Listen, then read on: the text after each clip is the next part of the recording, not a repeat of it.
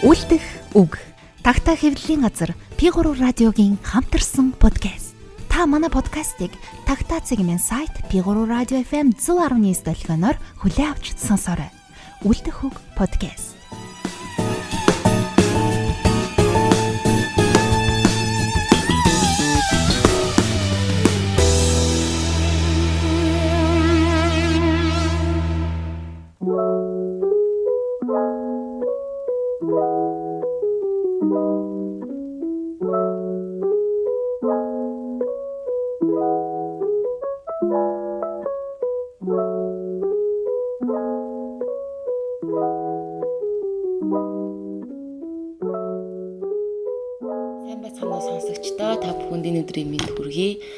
Хэвлэлийн газар Монголын үндэсний олон нийтийн радио телевизийн P3 радиотой хамтран хүргэдэг үлдэх хөг подкастын маань цоо шинэхэн дугаар эхэлж байна.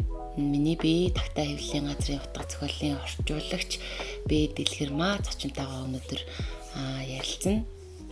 Тагтаагийн уншигчид үлдэх хөг подкастын сонсогчдоос гадна P3 радиогийн сонсогчдод зочноо танилцуулахын өмнө Такта Прайс уралдааны талаар товчхон яриа. Манай хэвлэлийн газар үндэсний утга зохиолоо дэмжих залуу үеийг дэмжиж таниулах тий залуусыг одоо уран зохиолд хөтлж оруулах зорилгоор Такта Прайс утга зохиолын шилдэг бүтээл шалгаруулах уралдааныг 2 жил нэг удаа зохион байгуулдаг. Аа тэгээд сая 2022 оны уралдаан маань дөнгөж сайхан болж дуусаад аа үүнтэй холбоотойгоор манай уралдааны яруу найргийн төрөлд шилдэг яруу найрагчаар шалгарсан Баторжийн тэргэл өнөөдөр зочноор хүрэлцэн ирсэн байна. Сайн байна уу? Сайн байна уу? А юуны өмнө шилдэг яруу найрагчаар шалгарсанд баяр хүргэе. Тэгээд өнөөдөр тэргэлтэйгээ хоёлаа шүлэг яруу найргийн тухай тэргэл гэдэг хүний тухай ярилцсан. А тэгээд тэрглийг өөрийгөө танилцуулахаас өмнө а яруу найргийн төрөлд энэ жил маш олон бүтээл ирсэн. А тэр олон бүтээлүүд дотроос шилдэг 5 6-д шалгараад тэгээд бүр төрүүлсэн. Тэгээд төрүүлсэн сэтгэл ямар байваа Аа тэгээд мөн Такта Прайс уралдаанд ягаад бүтээлээ ирүүлэх болов тэр тухай одоо сонсогчтой хаваалцаач. Төрүүлсэн сэтгэл мэдээж маш өндөр. Ягаад материалаа явуулах болсон бэ гэвэл нөө бичсээр л байгаа штэ. Зарим үед бичин зарим үед бичихгүй. Гэхдээ том зургаар нь харахад үргэлж бичсээр л байгаа. Тэгээд бичдэг хүмүүсээ бас уншсаар л байгаа. Тэгээд шууд өөрийнхөө зүгээс энэ хоёрт харьцуулалт хийх боломжгүй. Би утга зохиолд би яг яваад байгаа гэрөөсөө мэдэх боломжгүй. Аа. Тэг ингээд залуу хүмүүс дундаач болов ингээд баримжаатай байна уу? Ерөнхийдөө яруу найраг гэдэг энэ зүйлийн цензураас нь би яг хаагуур явж байгаа юм бол гэ баримжаа амарсан надад. Аа. Тэгээд материалаа өгч үзсэн. Төрүүлнэ гэж бодсон уу? Төрүүлнэ гэж ерөөсөө бодоагүй. Би бүр тавд шалгарчаад баярлаа. Тавд шалгарсан чинь надад мэйл ирсэн байхгүй юу? Аа. Зураг юм аа явуулаарай гэд баяр хүргэе. Ойрлоод гадаа явж ирснийг хэлэхүү ганцаараа өсрээд л ус. Тэгээд тэрний дараа нөгөө төрүүлсэн явдлаа ш. Тэр нөгөө таван хүний зарласан хань шагнал гартуулах үйл ажиллагаа нь болоод тэр яриа хийгээд тэр хүртлээ төрүүлсэн ерөөсөө мдээгүй явж байгаа. Тэгээ тэнд очиод ч мдээгүй сууж байгаа. Тэгээд өргөмжлөл уншихаар нь ямар гоё хөвгтэй өргөмжлөл вэ гэсэн шүү юм бодоод бичлэг хийгээд сууж исэн чинь миний нэр гараад иртий. Арилаад сандарч хасаад шагналаа аваад газраар унгаагаад бөө юм болсон да. Уцаа хүртэл унгаасан гэж хэлсэн бэ. Тэгтлээсээ хам баярлжтэй тий.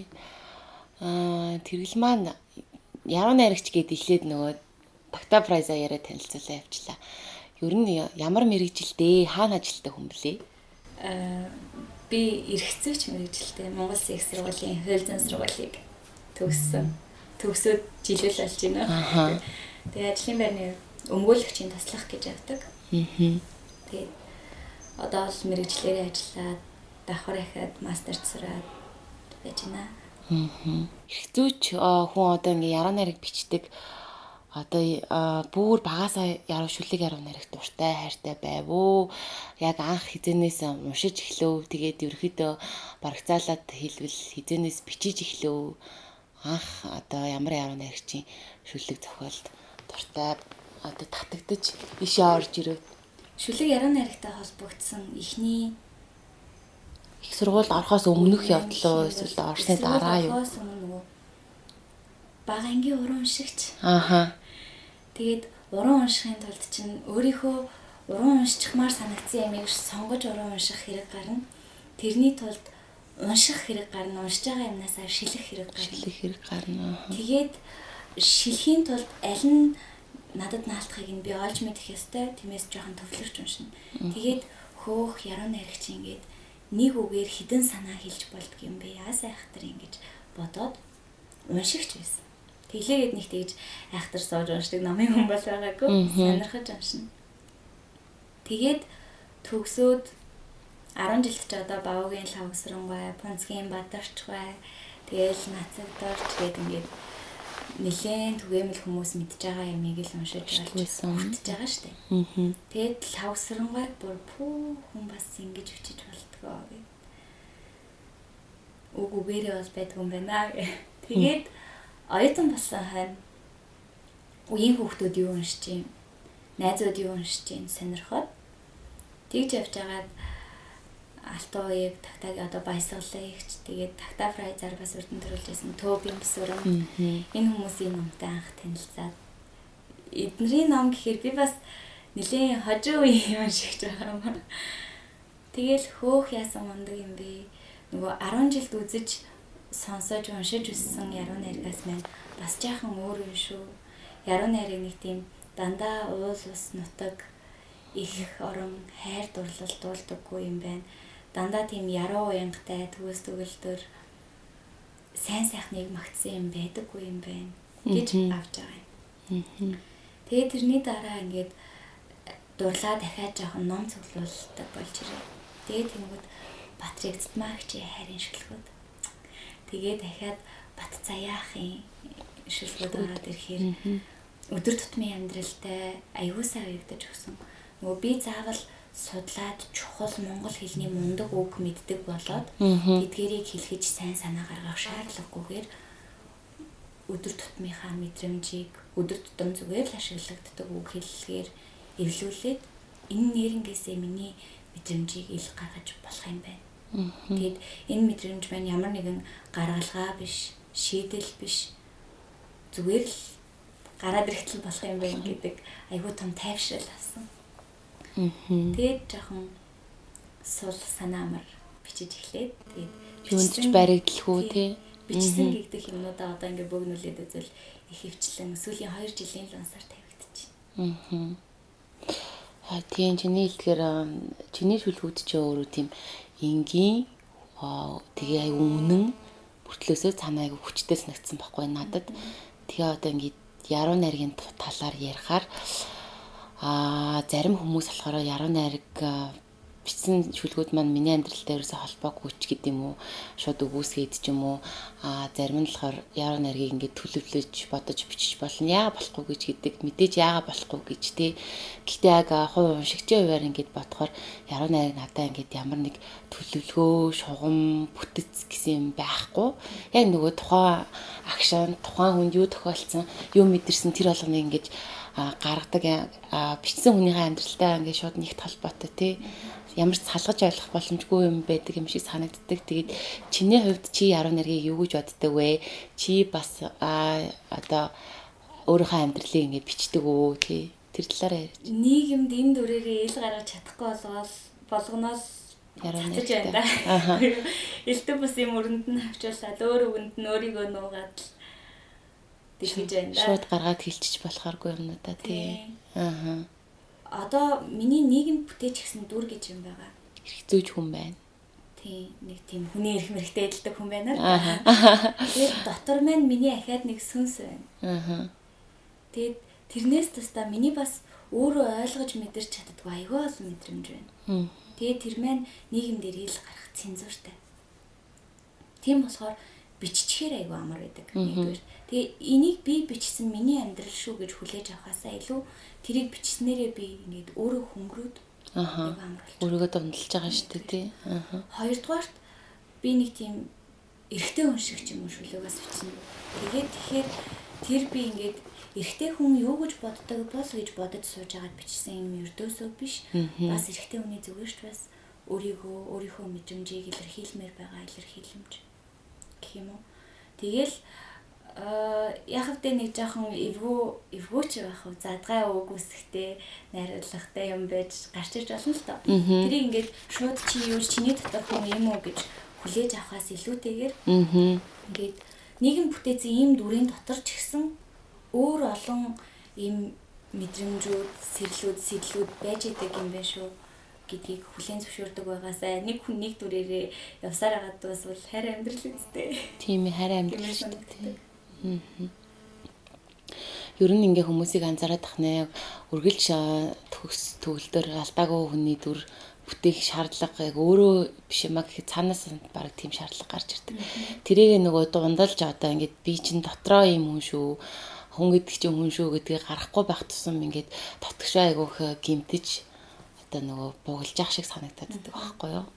Тийм тэгээд нөгөө чиний нөгөө а одоо шүлэг маань ингээ өдрийн тэмдэглэл болчлоо гэж бичсэн байсныг хараад надаас яг аа шүлэг бичтгүү ч гэсэндээ нөгөө нэг тухайн үеийн сэтгэлдүүдээ ингээ бичээд үлдээгээд аа орхичдаг. Тэгээд нөгөө чиний шүлгүүдтэй болохоор би уншигчийн хувьар айгүй тийм мэдрэмж давхцсан байхгүй юу. Одоо жишээ нь а яруу найргийг хүртэх гэдгийг нэг сайхан юм тэр ах миний дуртай яруу найрагч байна те. Зээдлэхэр маач байна уу? Лав дулан бихчж байна уу? Ингээд тэнд одоо тэр хүний асар ховын амьдрал туршлагыг уншиж байгаа мөртлөөсөө одоо яг нөгөө мэдрэмж ингээд авахцаад тэгээд тэндээс би ингээд гоё тайтгараад тэндээс ингээд аа сайхан зүйл мэдрээд ингээд өнгөрчж байгаа штэ тий чиний хувьд яг бүр тэгж сайхан одоо холбогдож ингээ ойлголцдог тийм яруу найрагч юм бэ хамгийн дуртай аа зөндөө олон шүлгээс тийм тайтгарал мэдэрч байгаа нөгөө за тухайлж яруу найрагчийг гихгүйгээр тий өөр хүний шаналлыг уншиж байгаа штэ өөр хүний өвдөлтийг уншиж байгаа штэ аа тэрвэр өөрөө бас тайтгараад өөр хүний өөрийгөө зүгж байгааг, өөр ертөнцийг зүгж байгаа зүглийг уншиж байгаа дээ. Аа. Тэгжээж өөрөө бас уучирдаг нэг тийм муухай хүртдэг хүн юм аа би. Аа. Ер нь тэгэл сүлд уншсаад нөө юу гэдэм бэ? Сансны чин заргаар очихгүй дээ би яана гэд өөр хүн шүлгэллээ гэхэд миний хувийн амьдралд бас тиймэрхүү юм байгаа. Аа. Тэр болгонд давхцаж байгаа. Тэгээд ирэхээр аа би ганцаараа зовж байгаа юм биш шүү дээ гэдэг тайтгарл бүгд л юм байгаа шүү дээ тий дотроо мэдэрж байгаа шаналж байгаа жаргаж байгаа гэдгийг яруу найраг бидэнд ойлголдог болохоор энэ амьдралын хамгийн чухал юм байт юм болоо гэж боддоо шүү дээ. Тэрэл тэгвэл зөндөө олон гоё шүлэг гоё яруу найрагчд дуртай гэлээ хамгийн дуртай нэг шүлгээ уншиж өгөөч хамгийн л хэцүү дээ. Хамгийн л гүүгээр сонсогчдод уншиж өгүүлээс сони юм болов. За. Сэргээ син нэг шилэг байна. Энийг дуудъя. За. Урдын хайр минь арилан атсан. Би биш болсон. Уйтгарлаад л гуниглаад л байгааг чинь харж байна шүлэг бүхний чинь шалбааг муухай усыг сарны туужуу залгуулаагүй болохоор тэр шүү дээ. Хүмсгэн дээр чинь буухад дэйн хөөр баяр тавтаад бас гонигт унаад. Зүрхий чи оромжноос дор үдсэн шүү дээ. Зүрхэндээ чи овоохойч босгож чадаагүй шүү дээ. Гүн шнөр хүлээсэн хүн чинь гэрийн чинь хажуугаар дахиад л өнгөрлөө. Анд минь чи төлхүүрээ хинд өгөх аялгууд үгсээрээ алдчихсан юм бэ. Сим симхэн нарыг чи дуусгас өнгөрсөн. Схивчин дотроосоо диваажиг харахч өнгөрсөн. Салхин тэрэм сэнсэрийг хичнээн дэлтвч. Сансарлуу нэгчгэж нисчгэж чаддаггүй шүү дээ. Гүн шөнөөр хүлээсэн хүн чинь гэрийн чинь хажуугаар дахиад л өнгөрлөө. Тэгэхээр хаа за би амар ганцаараа сууж байгаа юм шиг өчнөө хүмүүс ингэж хайртайгаа зөрч. Аа бүгд л адилхан мэдэрч байна гэд тий. Тэргэлээ айгүй олон яруу найргийн уншлагуудад ингээд наад муудад шүлгээ уншаад тэг сурцсан хүн шиг айгүй сайхан уншиж байна. Мэдэрч. Түрүүн хэлсэн дээ би чинь Багангийн уран шигч. Багангийн уран шигч тэгээ дээрээс нь оюутан болсноосоо ч ер нь уншлагт их очиж очвоо өөрөө хаана хаана шүлэг уншоо. Сүүлд ямар ч байсан Fat Cat дээр шүлгээ дуудаж байгааг харсан. Fat Cat-ийн тавилга болсон шүү дээ. Сар болгон зохион байгуулагдсан. Сая коронагийн үеэр жахан тасалдчих шиг боллоо. Түүнээс сар болгоны сүүлчийн нэг дэх өдөр ч юм уу тогтмол уншлага зохион байгуулагддаг. Тэгээ тэр болгон дээр очиж уншаад байх завшаан бол байхгүй хүмүүс аягүй их уншина. Тэгээд уригдж байгаа хүмүүсийг сонсох гэж нэгдүгээр. Хоёрдугаарт нөгөө тэнд чин дандаа өөрөө уншдаг сонирхдаг хүмүүс очиж чаар ягаад ч юм ингээд таньдаггүй хэрнээ? Нэг тийм сэтгэл даяар дулаан хүмүүсийн дунд шал өөр салбарт байгаа мөртлөөсөө тий. Одоо ингээд хуульч эрх зүйчтэй хүмүүс ингээ харахаар ерөөхдөө айгу хурц тийм гярхаа хүмүүс байдаг л та. Тэгэл хүрээний хүмүүсийг харахаар одоо ингээ буян баттай манай шилдэг зохиолч болсон тий.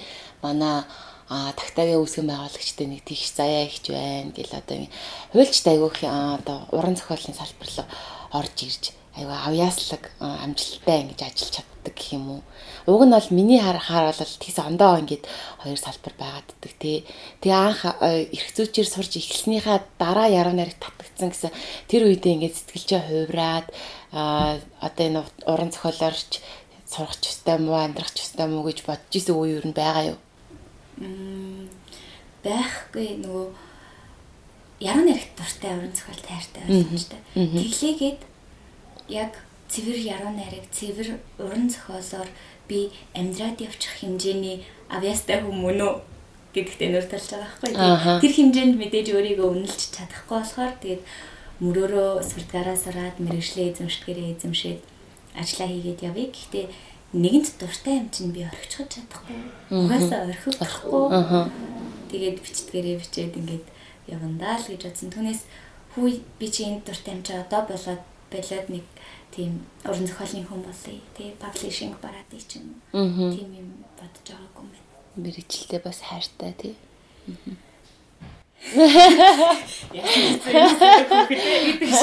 Яс ийзээ бас өөхтэй гэдэг шиг тий. Багта прайзд ороод шилдэг 18-аар шалгараад ингээд олон танигдаад явж байна. Одоо шүлгээ бичиж байгаа ах. Тэгээд э, цаашдаа ер нь юу одоо их зүйч хүнээс одоо уран бүтээлийн төлөвлөгөө юу байна? Түүр гаргах бодол байна уу? Түүр гаргахаар хийх хэмжээний их шүлгтэй гэж би бол бодож байна. Хав дарсан байгаа шүлгүүд их олон байгаа гэж бодож байна. Дарсан юмнууд байгаа. Ааха. Төвөр болов болох байх. Аа, болов болох. Одоо надад байгаа нь ингээд төврийн хэмжээтэй юм шиг санагдаж байгаа шүү дээ. Аа. Тэр ахад шүлтэнд орно. Тийм л дээ. Миний гаргая гэсэн болсон гарахгүй. Тэгээд ирэхээр тэр нь үнэхээр төвөр үлдэх ч юм уу, үгүй ч юм уу мэдэх юм байна. Аа одоогоор бол эхэлж мэдэх юм байхгүй байна биш тий. Гаргандаа гэсэн сэтгэл байгаа болохоос биш нэг тэгж төлөвлөж бодсон юм одоохондоо алгаа. Аа. Хизээ нэгэн цагт э, цаасан гэрээ сонших байхаа. Аа. Яг уу тий тэргэл одоо ингээд э, их сургууль оюутан болоод ингээд уншдаг байснасаа маш олон өөр сайхан шүлгүүд уншаад яруу найрагт ингэ татгцсан гэд ярьж гин. Тэгээд яг унших бол нэг бас өөр хэрэг. Дээрээс нь бичиж эхлэн гэдэг бол миний хувьд айгу тийм юу санагддаг байхгүй юу? Том зүйл. Одоо яг тэрний ард ямар нэг ямар ч шалтгаан байж байсан байж болно тий. Хүний шаналаад унсны ард ч юм уу нэг сайхан хайр сэтгэлтэй уулчсны ард ч юм уу ингээд бичдэг штэ. Тэгээд тэрлийн хувьд одоо Нуух юмг бол яг анх яагаад шүлэг битсэн бэ? Тэр яруу найрагтай холбоотой дурсамж байвал яриач. Бичиж эхэлсэнтэйгээ холбоотой. Анх гээд цэг хатгах чадхааргүй байна. Аа. Тэгээд угаасаа л 2 3 мөр холбоод холбоод шүлэг гэхээсээ илүү зүгээр нөгөө Facebook дээр стори оруулдаг шүү дээ. Тэгэх гэж исэн бас юм биччихдэг. Тийм хүйтэн харц чинь үнэн байсан гэвэл тэгээд би яах гэж амьдраад байна гэж ингээд. Тэг ингээд хоёр хоёроо мөрөд айгүй их орж иж ингээд ирдэг. Facebook сторинд зориулж ичдэг. Тэгээд тэр нь урт болоод нь анх надаас гарч байгаа хоёр мөнгө ардаа мөр ардаа ахаад түүхтэй байгаа шүү дээ. Тийм. Ахаад түүхэн дэлгэгдэж эхэлнэ. Тэгээд төсөөл ахаад явна. Тэн дундаас мэдрэмж байгаа өөр өөр мэдрэмжүүд ингээд ахаад явна. Тэгээл ягаад ч юм мөрүүд нь уртсаад уртсаад явчихсан. Тэгээд нэг урт гимээр юм бол шүлэг анхандаа байдаггүйсэн. Гэтэл нэг 8 мөр. Тэгээ сүүл рүүгээ жоохон урт болж нуршиж эхэлдэг юм байлээ. Ингээд өөрийнхөө мэдрэмжийг гаргах ивэ олоод ирэхээрээ гаргаад л баймаар санагдаад нөгөө агуулж явах хүнд. Аа. Тийм. Тийм байна. Хойлоо такта прайз уралдаа яриад чиний шүлгүүдийн талаар агуу яриад тань тэгээд аа шүлгүүдээсээ сүүл чинээр битснээсээ ч юм уу эсвэл уралдаанд явуулсан шүлгүүдээсээ уншсан дээр ах гэж бодож байна. Уралдаанд явуулсан маань жоохон урт урт юм байгаад байна уу та. Тэгээд шүлэг уншихаар бол энэгээр хэлэх хэрэгтэй гэхгүй. Нөгөө би хэлсэн шүү дээ. Бичгэд ингээд нийгмийн дүрээс мань хүмүүс айгу өөр өөрөөр хүлээж авдаг. Аа. Тэгээд Дэгийн хчи номын нээлтнээс гарч явж байгаад би гэртээ 2 3 шүлэгтэй харсан тийм. Яруу найрагч Цэд Дэлгэрмагийн 3 сарын 21-нд хийсэн уншлага уншлагаас уу тий. Аа за ямар гоё. Тэрнийхээ нэгээс уншаа. Бичгэд зориг хэрэгтэй. Биетийг эвлэрэхэд хориг ихтэй. Гэргийнхэн дэргэд эрээг нь шүлгэлэхэд ичгүүрийг дарах зориг хэрэгтэй. Хэлэхэд бас зориг хэрэгтэй. Хэлхэснээ дэлгэхэд хориг ихтэй эхийнхээ яншихыг төр мартахад илүүдсэн гимшлийг дарах хэрэгтэй. Ичгэд л хориг хэрэгтэй. Ийм халамцууд зориг ихтэй. Их зоригоор төр болгосон энэ мөрүүдээс л ичих хэрэгтэй. За. Хоёлаа дахиад нэг нэг юм уу хоёр шүлэг уншчул яат юм болоо. За. Та минь тэр алс танихгүй эмэгтэйд шүлэг тэрлэж тамирчсан цөхөрсөн сэтгэлээ асгаж яваасай. Асаж яваасай. Инээж яваасай. Ийм бодлоо зориггүй бүрхэг байдлаас эрт алсраа тэндээ шинээр дурлаж, шилээр нууж, гашуу өргөтөл тамхис ороод, гараа чилтэл үзэг зураад өөрийнхөө дуртай амьдралыг өөрийнхөө жинхэнэ сэтгэлээр тоолж яваасай. Дуулж сугаасай тэр дун надад ирдэг байгаасай. Тийм би шин шүлэг ургуулж тэнд хэрхэн суугаах тань баясалтайгаар төсөөлөв. Өвгийн тэмдэртээ би усгаар гарч гэлсэн. Өчнөө жаргалтай мөртүүд бичиж байгаасай. Итгэж байгаасай. Гой шүлэг байна. Сайхан шүлэг. Аавын чихчи хороо одоогор бол нойрны им луужингийн зөө насны альчуур гэжээ. Алганы гэршиж өнгөн хагарсан. Аврах том гарын хамгийн жижиг хөрөл аврал, тайвшрал, эдгэрэл тэмдэгсэн. Бүлээгэн ганц хуруу хөтч минь байв. Бүлээгэн тэр хуруунаас зөөдөж хөлд ороод бүлээгэн тэр хуруунд амлаж итгэл хүлээн. Бүлээгэн тэр хуруу атганд жижигддэг болоход би зөөлөн хүнжлийн гадна жавар байсныг үлээх шаардлагагүй хөрсөн хоол идэж болдгийг өвдөг шалбарахад өмнөөс минь хэн ч ойлгохгүй. Үнэмшихэр гарсан юм. Амир шүү. Өрөөлт гим санахгүй, өршөөнгүй, хүлцэнгүй гэлдрэх гэтэл өөр байна. Хүмүүс нэгэндээ тийм чайртай биш юм. Өрөвч зөөлөн өсгсөн тань өвдөмтгий болгочихж өвтгөөд байна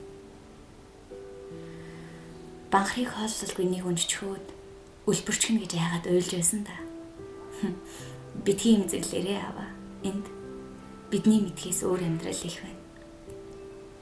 Хотын энэ хэсэгт хоол хомс, дар сэлбэг, хонох газаргүй ч хөөхөн хүүтэй хосууд таарлаа. Согтуу таарлаа. Яагаад төрснөөч яаж амьдрахаач мэдэхгүй ямхаас ямах борхууч. Өрт бол хамт суугаад уйлж чадхасан би. Одоо уйлж чадахгүй, тэрч зүрхлэхгүй. Унд байцаж ширвэж зөрөөд унтахаар хэрж байна. Гэрүү талхаж байна. Муухай шүү. Ийм залуу эмэгтэйд инрэнгүй номхон зандахгүй тэгээ. Эсвэл манай дэлхий залуу эмэгтэй зөхөхгүй. Алган нэгэршиж өндгөн хагарсан. Аавын гараас хол нүмер алгаа Натад гэсэн хамгийн ихний мэшэл байна. Тийм, сайхан шүлэг. Тэргэл ер нь ажил цаашдаа ажил мэргэжлээс гадна одоо энэ уран зохиол аа өргөлжсөн үг ч юм уу эсвэл орчуулга ч юм уу оролдох аа юу хүсэл байгаа юу тийм холын бодол байгаа юу хүн чинь их санаатай дөө. Аа яаж ингэж болно гэж бодох вэ? Орчуулга хийж үзмээр санагддаг.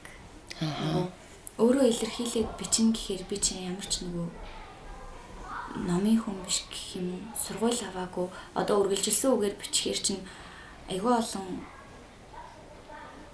юу гэх шаардлагууд угаасаа системд орсон нэг тийм төлөвшсөн юмнууд байгаа шүү дээ. Надад тийм юусоо байхгүй хүн өөрөө тэгээд нэг их уншаад сүрхий суудаг хүн биш болохоор шууд бичин гэхэд бол арай зориггүй гэж байгаа.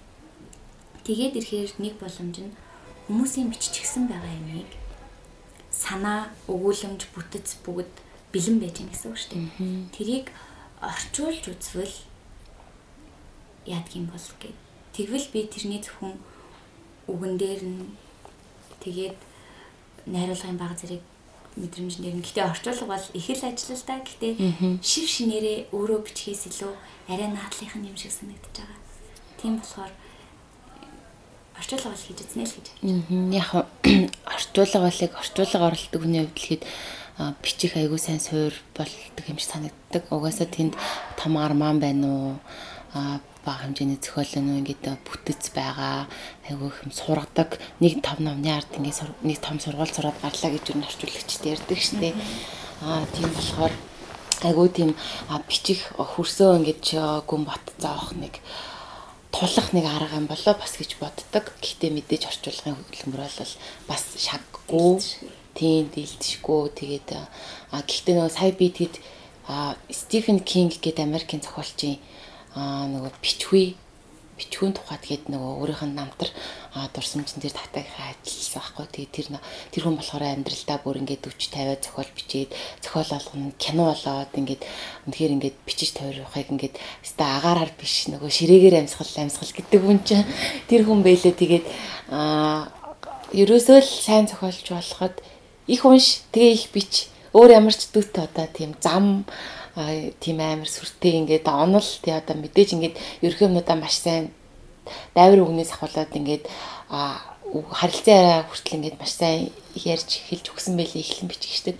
Гэхдээ ингээд хэрвээ чамд унших цаг гарахгүй бол бичих цаг гарахгүй гэдэг айгу шудрах хэлсэн байсан. Тий тийм болохоор хэрвээ бичих хүсэл байгаа бол аль болох бид нэр уншиж байх хэрэгтэй байлээ л гэж бодсон. Тий Тэгээд тэргээл ер нь ажилдаа л ажил ихтэй байдаг. Тэгээ үргэлжлэн үг хэрэг уншдаг бай. Нөө.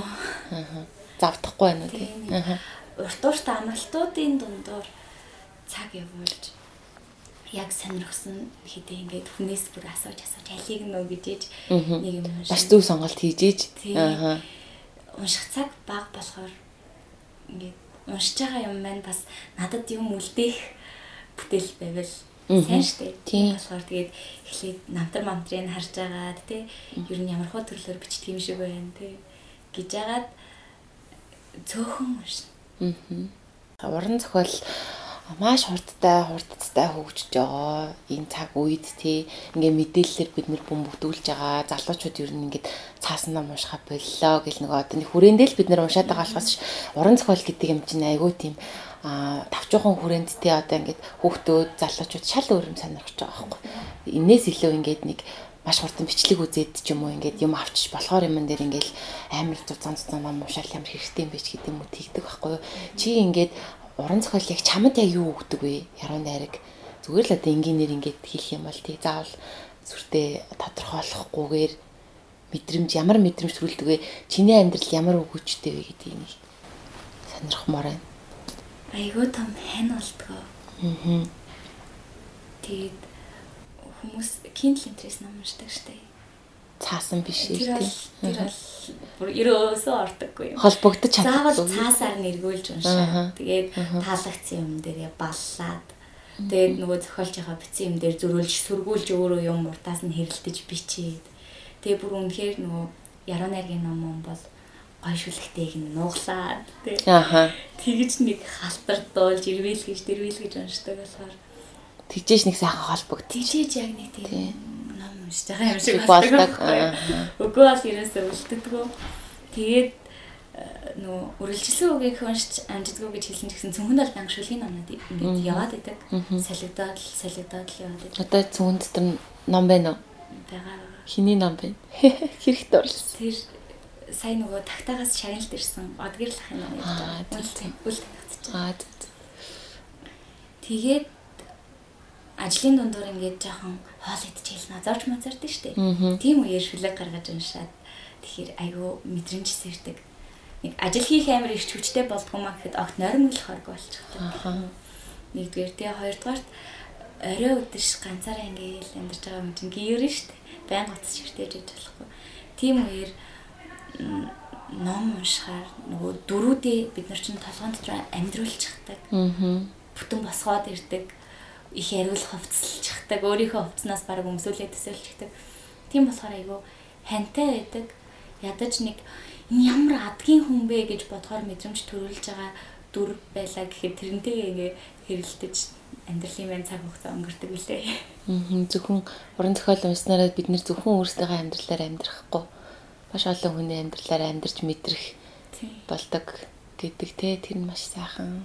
урт юм удаан уншчихаар нөгөө зохиолчийнхаа бичиглэлийн хэв маягаар ярих гээд ундаг юм байлээ Тий. Тэр хүн нь яаж бичиж байгаа хүн бэ гэдгээсээ ахуулаад би нэг 3 өдөр нэгхэн ном эргүүлээд ингээд явчих юм бол 4 5 дахь өдрөөс нь ажил дээр ороод нөгөө цохиолынхаа үгээр ярьчих гээд. Тэр нь дотор амьдарч байгаа юм чинь тий. Аа.